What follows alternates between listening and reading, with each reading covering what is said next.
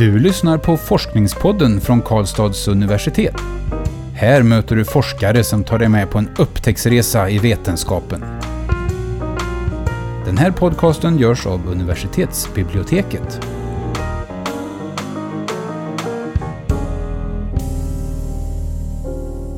Hej och välkomna till Forskningspodden med mig Nadja och dagens gäst Mattias Flygare. Välkommen Mattias.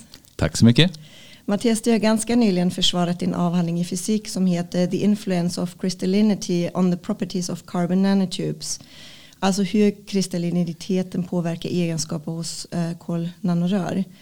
Och när vi pratar om din forskning, det tycker jag är ganska viktigt att lyfta, så befinner vi oss på en storleksnivå som är mer än 5000 gånger mindre än ett hårstrå. Eh, och du har själv har jag sett beskrivit ditt arbete som om att spela Yatzy i bäckmörker. vilket tycker jag var väldigt roligt. Och jag kommer tillbaka eh, till det. Men innan vi ger oss in på varför du sa det så tänkte jag kolla med dig eh, om du kan berätta vad kolnanora är egentligen. Absolut, det kan jag försöka göra. Så det finns med i ordet kan man väl säga kol. De består av kolatomer de, och de är formade som rör och sen det här ordet nano då, som betyder miljardedels. Eh, så de, man mäter alltså diametern på de här rören eh, i måttet miljardedels meter, nanometer. Så de kan ha en diameter på någonstans mellan en och kanske upp till 50 nanometer i sällsynta fall. Men ner mot en oftast. Så väldigt, väldigt små rör av kolatomer. Och hur blir de här rören till? Ja, man framställer rören. Eh, de kan uppstå naturligt i, ehm, tror man, men alla rör som vi använder framställer man på olika sätt. Och hur använder man dem sen? Vad gör man med dem? Ja, det är väl lite det som vi håller på och försöker eh, reda ut vad man ska kunna använda dem till. Dem. Eh, men ända sedan, de, ända sedan man kom på idén att kolatomer ens kunde forma sig på det här viset, vilket en ganska ny idé eh, så har man räknat på och funderat på vad för egenskaper de skulle kunna få. Och det har visat sig att eh, de här egenskaperna blir ganska eh, bra. Så de får väldigt speciella egenskaper till exempel i elektrisk ledningsförmåga och böjstyrka. De har andra fördelar som till exempel att ytan blir väldigt stor om man jämför med volymen som de tar upp och därmed även massan då, alltså hur mycket de väger. Eh, så det finns många eh, användningsområden som man har funderat på. Eh, men främst idag så använder man dem för att förstärka befintliga material genom att blanda i en del i kompositmaterial till exempel kan man kanske ersätta en del av kolfiber med kolnanorör mm. istället och samtidigt då höja styrkan och sänka vikten av materialet till exempel. Det är ett enkelt användningsområde som man redan har börjat. Varför tyckte du att det var spännande att forska på det här? Ja, det är väl alltid spännande med sådana här antingen väldigt stora eller väldigt små saker. Eh, är ju fascinerande för de som är intresserade av fysik oftast. Så man går antingen uppåt eller neråt eh, egentligen när man väljer sin fysikinriktning. Ehm, sen så eh, har vi på Karlstad universitet eh, väldigt bra eh, anpassad utrustning för att forska på just kolnanorör och det finns även kompetens. Så på den vägen är det väl jag har tänkt på det lite grann, nu pratar vi om Yatzy förut, men när jag såg din avhandling så tänkte jag snarare på det här spelet som heter Mikado. Um, för det måste vara lite, jag tänker bara på hur svårt det är att inte få dem i rörelse, de här lilla stavarna som man har i spelet. Och nu är det ju på väldigt, väldigt mycket uh, mindre nivå. Är det ett problem? Och kunna ja, se dem? Det är ett eh, stort problem. För att man kan inte se eh, kolonner. De är helt enkelt för små för att upplösa med synligt ljus. Eh, så man kan inte se skillnad på en eller en bunt med kolonrör. Utan vi använder elektronmikroskop för att titta på dem. Eh, som är också en väl, ganska relativt ny teknik om man ser till det långa perspektivet i alla mm. fall. Mm. Så det är först Yatzy när man när man förbereder provet för att man kan inte se hur det blev. Mm. Eh, så man får göra någonting i totalt mörker och sen så tar det ganska lång tid innan man kan titta på dem. Eh, kanske upp till ett dygn innan jag kan titta på resultatet. Eh, och då börjar Jenga eller eh, Mikado eller något annat spel.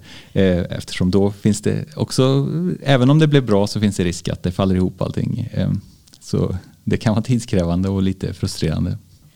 För det är um, ett speciellt rum som du sitter i och det måste vara väldigt, allt måste vara väldigt stabilt där. Eller kan du berätta lite hur det ser ut när Ja. du sitter på en vanlig dag? Ja, eh, så när man är nere på miljarddels meter, när man har det på sin eh, skärm, då blir minsta lilla vibration väldigt stor helt plötsligt. Så man kan inte ha ett mikroskop eh, som tittar, när man tittar på de här sakerna ståendes på ett vanligt golv i ett vanligt rum eftersom det finns för mycket vibrationer i, i ett hus som en universitetsbyggnad. Eh, så de har gjutit eh, en egen pelare åt mikroskopet ända ner till berggrunden och sen står den där själv utan kontakt med resten av huset egentligen.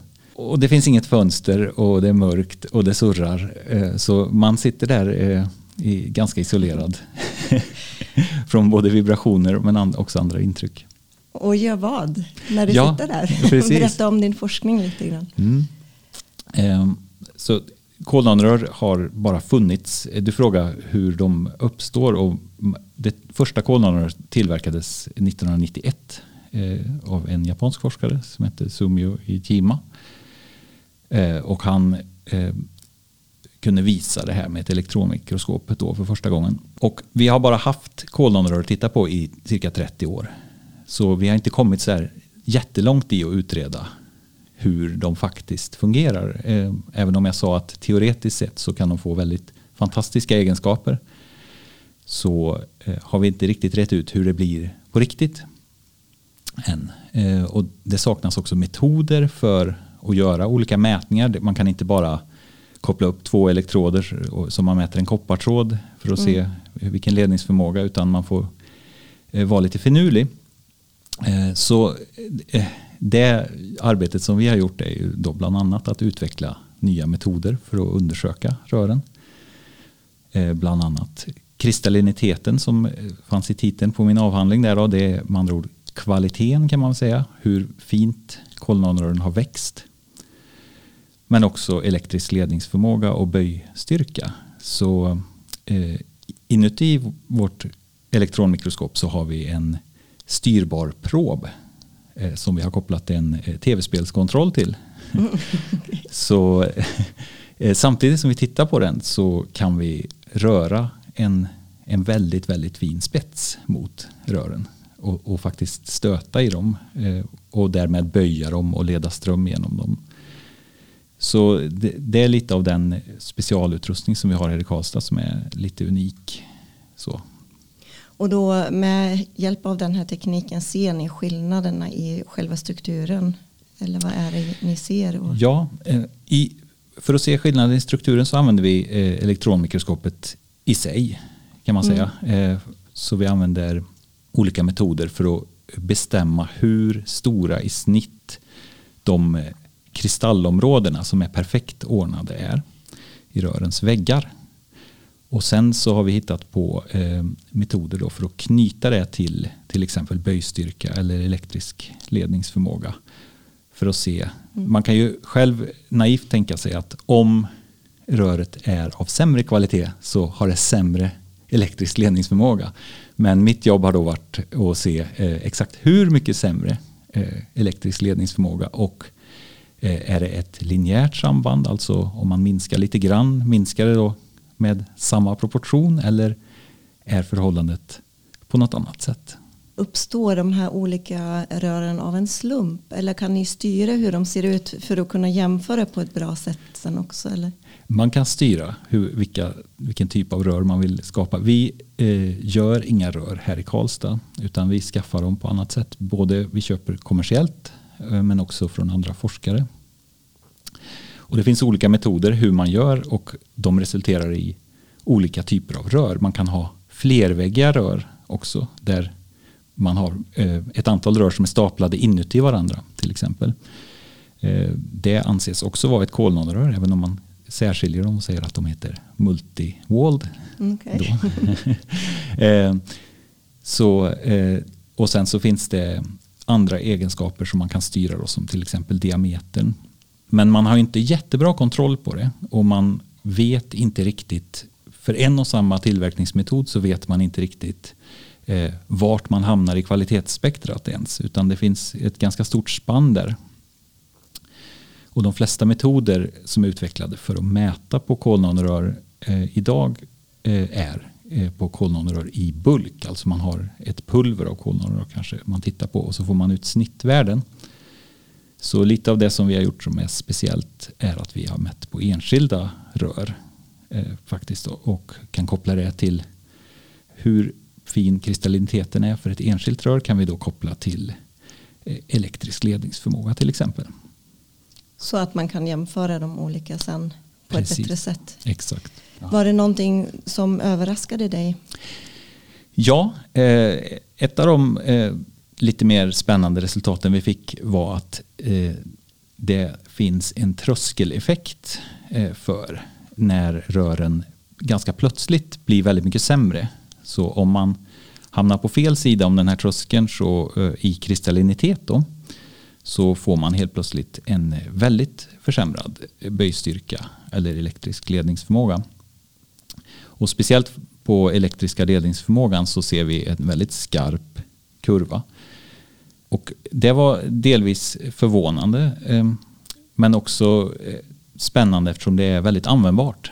För att eh, om man vet vart den här tröskeln finns, den är också temperaturberoende, så om man vet vilket arbetsområde för temperatur man ska använda i sin applikation så kan man då välja en viss typ av kolnanorör så man hamnar på rätt sida om den här tröskeln beroende på vad det är man ska göra till exempel. Och det är ett problem för det här materialet att än så länge så finns inget klassificeringssystem. Normala material eller äldre material då, som till exempel kolfiber kan man väldigt lätt slå upp en klassificeringssystem där man kan eh, välja sin böjstyrka, vilken böjstyrka jag vill ha för min, eh, mitt, eh, mitt område. Och så kan jag se då att då behöver jag klass B. Och så betalar jag för det jag behöver. Men för kolnonrör så finns det inte någonting liknande. Så eh, det har också varit en del av arbetet att försöka pusha för att få en en, eh, en eh, ordentlig standard för det. Och lyckades ni med det? Eh, nej, inte än. inte än. eh, precis som allt annat inom det här eh, forskningsområdet så tar det väldigt lång tid.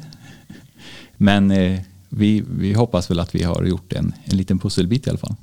Eh, Mattias, det var väldigt många eh, fina resultat som ni har fått. Jag tänkte kolla, vem tycker du har stor nytta av avhandlingen och borde läsa den? Ja, eh, jag hoppas ju att andra forskare som också försöker reda ut hur de här, det här materialet beter sig under olika omständigheter har nytta av våra metoder till att börja med.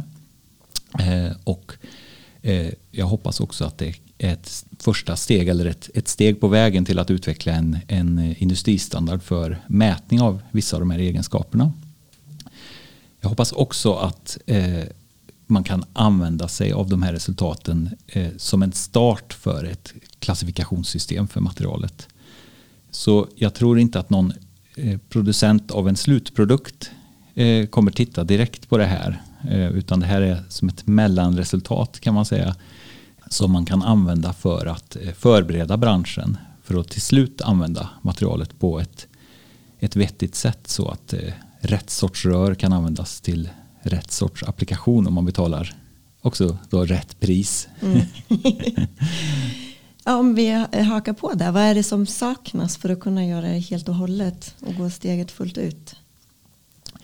Ja, det är väl eh, mer tid behövs, eh, är väl det tråkiga svaret. Mm. Eh, så det är fortfarande i sin linda, även fast det har gått 30 år. Ehm, och eh, även om man vet om att det finns ett sånt här tröskelvärde till exempel ehm, så behöver man kanske titta på exakt vart det ligger för olika eh, och vad man kan göra för att utveckla sina eh, produktionsprocesser till exempel. Vilket också är ett annat användningsområde för den här forskningen. Att man kan då korrigera hur man eh, skapar rören och sen titta på eh, hur det påverkar de här egenskaperna igen och iterera på det. Har du själv några tankar kring eh, kolnanarörs framtid? Var är vi om 20-30 år tror du? Det är väldigt svårt att säga. Det en, ja, det ja. förstår jag. bara en gissning kanske. Ja, ehm, så det kan väl gå åt lite olika håll. Man eh, får ju också eh, beakta hälsoaspekten. Ehm, de har ju ehm, en liknande form som asbestfibrer. Ehm, så det behövs forskning även på den biten och se vad som händer när de här materialen produceras i större mängder och hamnar i, i eh, bildäck och därmed i naturen. Kanske på lekplatser, i gungor. Så det finns eh, det spåret som man förmodligen behöver titta på tror jag. Eh, vad det gäller potentialen så tror jag att man kommer närmare och närmare att uppfylla de här ideala siffrorna ändå. Och troligtvis så kommer ju man få högre precision på tillverkningen och kan då skapa de rören man faktiskt vill ha. Mm. Kommer du själv fortsätta forska på det här? Eh, inte som det ser ut just nu utan eh, nu kommer jag eh, gå vidare i min, i min karriär. Eh, men eh, ja, eh, jag stänger väl inga dörrar. Mm. Då blir det min sista, sista fråga nu Mattias. Jag var eh, lite inne på det här med något som överraskade dig. Men var det någonting eh, inom din forskarkarriär som, jag tyckte, som du tyckte var svårt också? Ja, eh, jag är ju från början, eh, min akademiska utbildning är ju inom teoretisk fysik och matte. Eh, så att ens ta det här jobbet som experimentell fysiker är en rejäl utmaning. Så jag har inte sett mig själv som en laboratorieperson innan. Så man kan väl säga att det, det har varit lite av en utmaning. Och och, en omställning att, att jobba i, i labb på det här viset. Eh, och sen är det det här med tålamodet som krävs när man, när man jobbar med de här väldigt, väldigt små materialen. Och det går inte att, att betona nog tror jag hur lång tid allting tar. Ja men det, det kan jag tänka mig när det är Yatzy och, och, sen gänga. på en och samma gång. Ja. Precis. Om någon um, är sugen på att börja en eh, karriär som doktorand, vad är ditt bästa tips? Försök inte ha för bråttom utan låt det ta den tid det tar eh, och eh, eh, sikta ändå högt. Det var kloka avslutande ord tycker jag. Varmt tack Mattias för att du har gästat Forskningspodden. Och tack också till er som lyssnat. Om ni vill veta mer om Mattias forskning så hittar ni avhandlingen i vår publikationsdatabas TIVA. Den heter som sagt The Influence of Crystallinity on the Properties of Carbon Nanotubes. Du har lyssnat på Forskningspodden från Karlstads universitet. Den här podcasten görs av universitetsbiblioteket. Alla avsnitt hittar du på kau.se forskningspodden.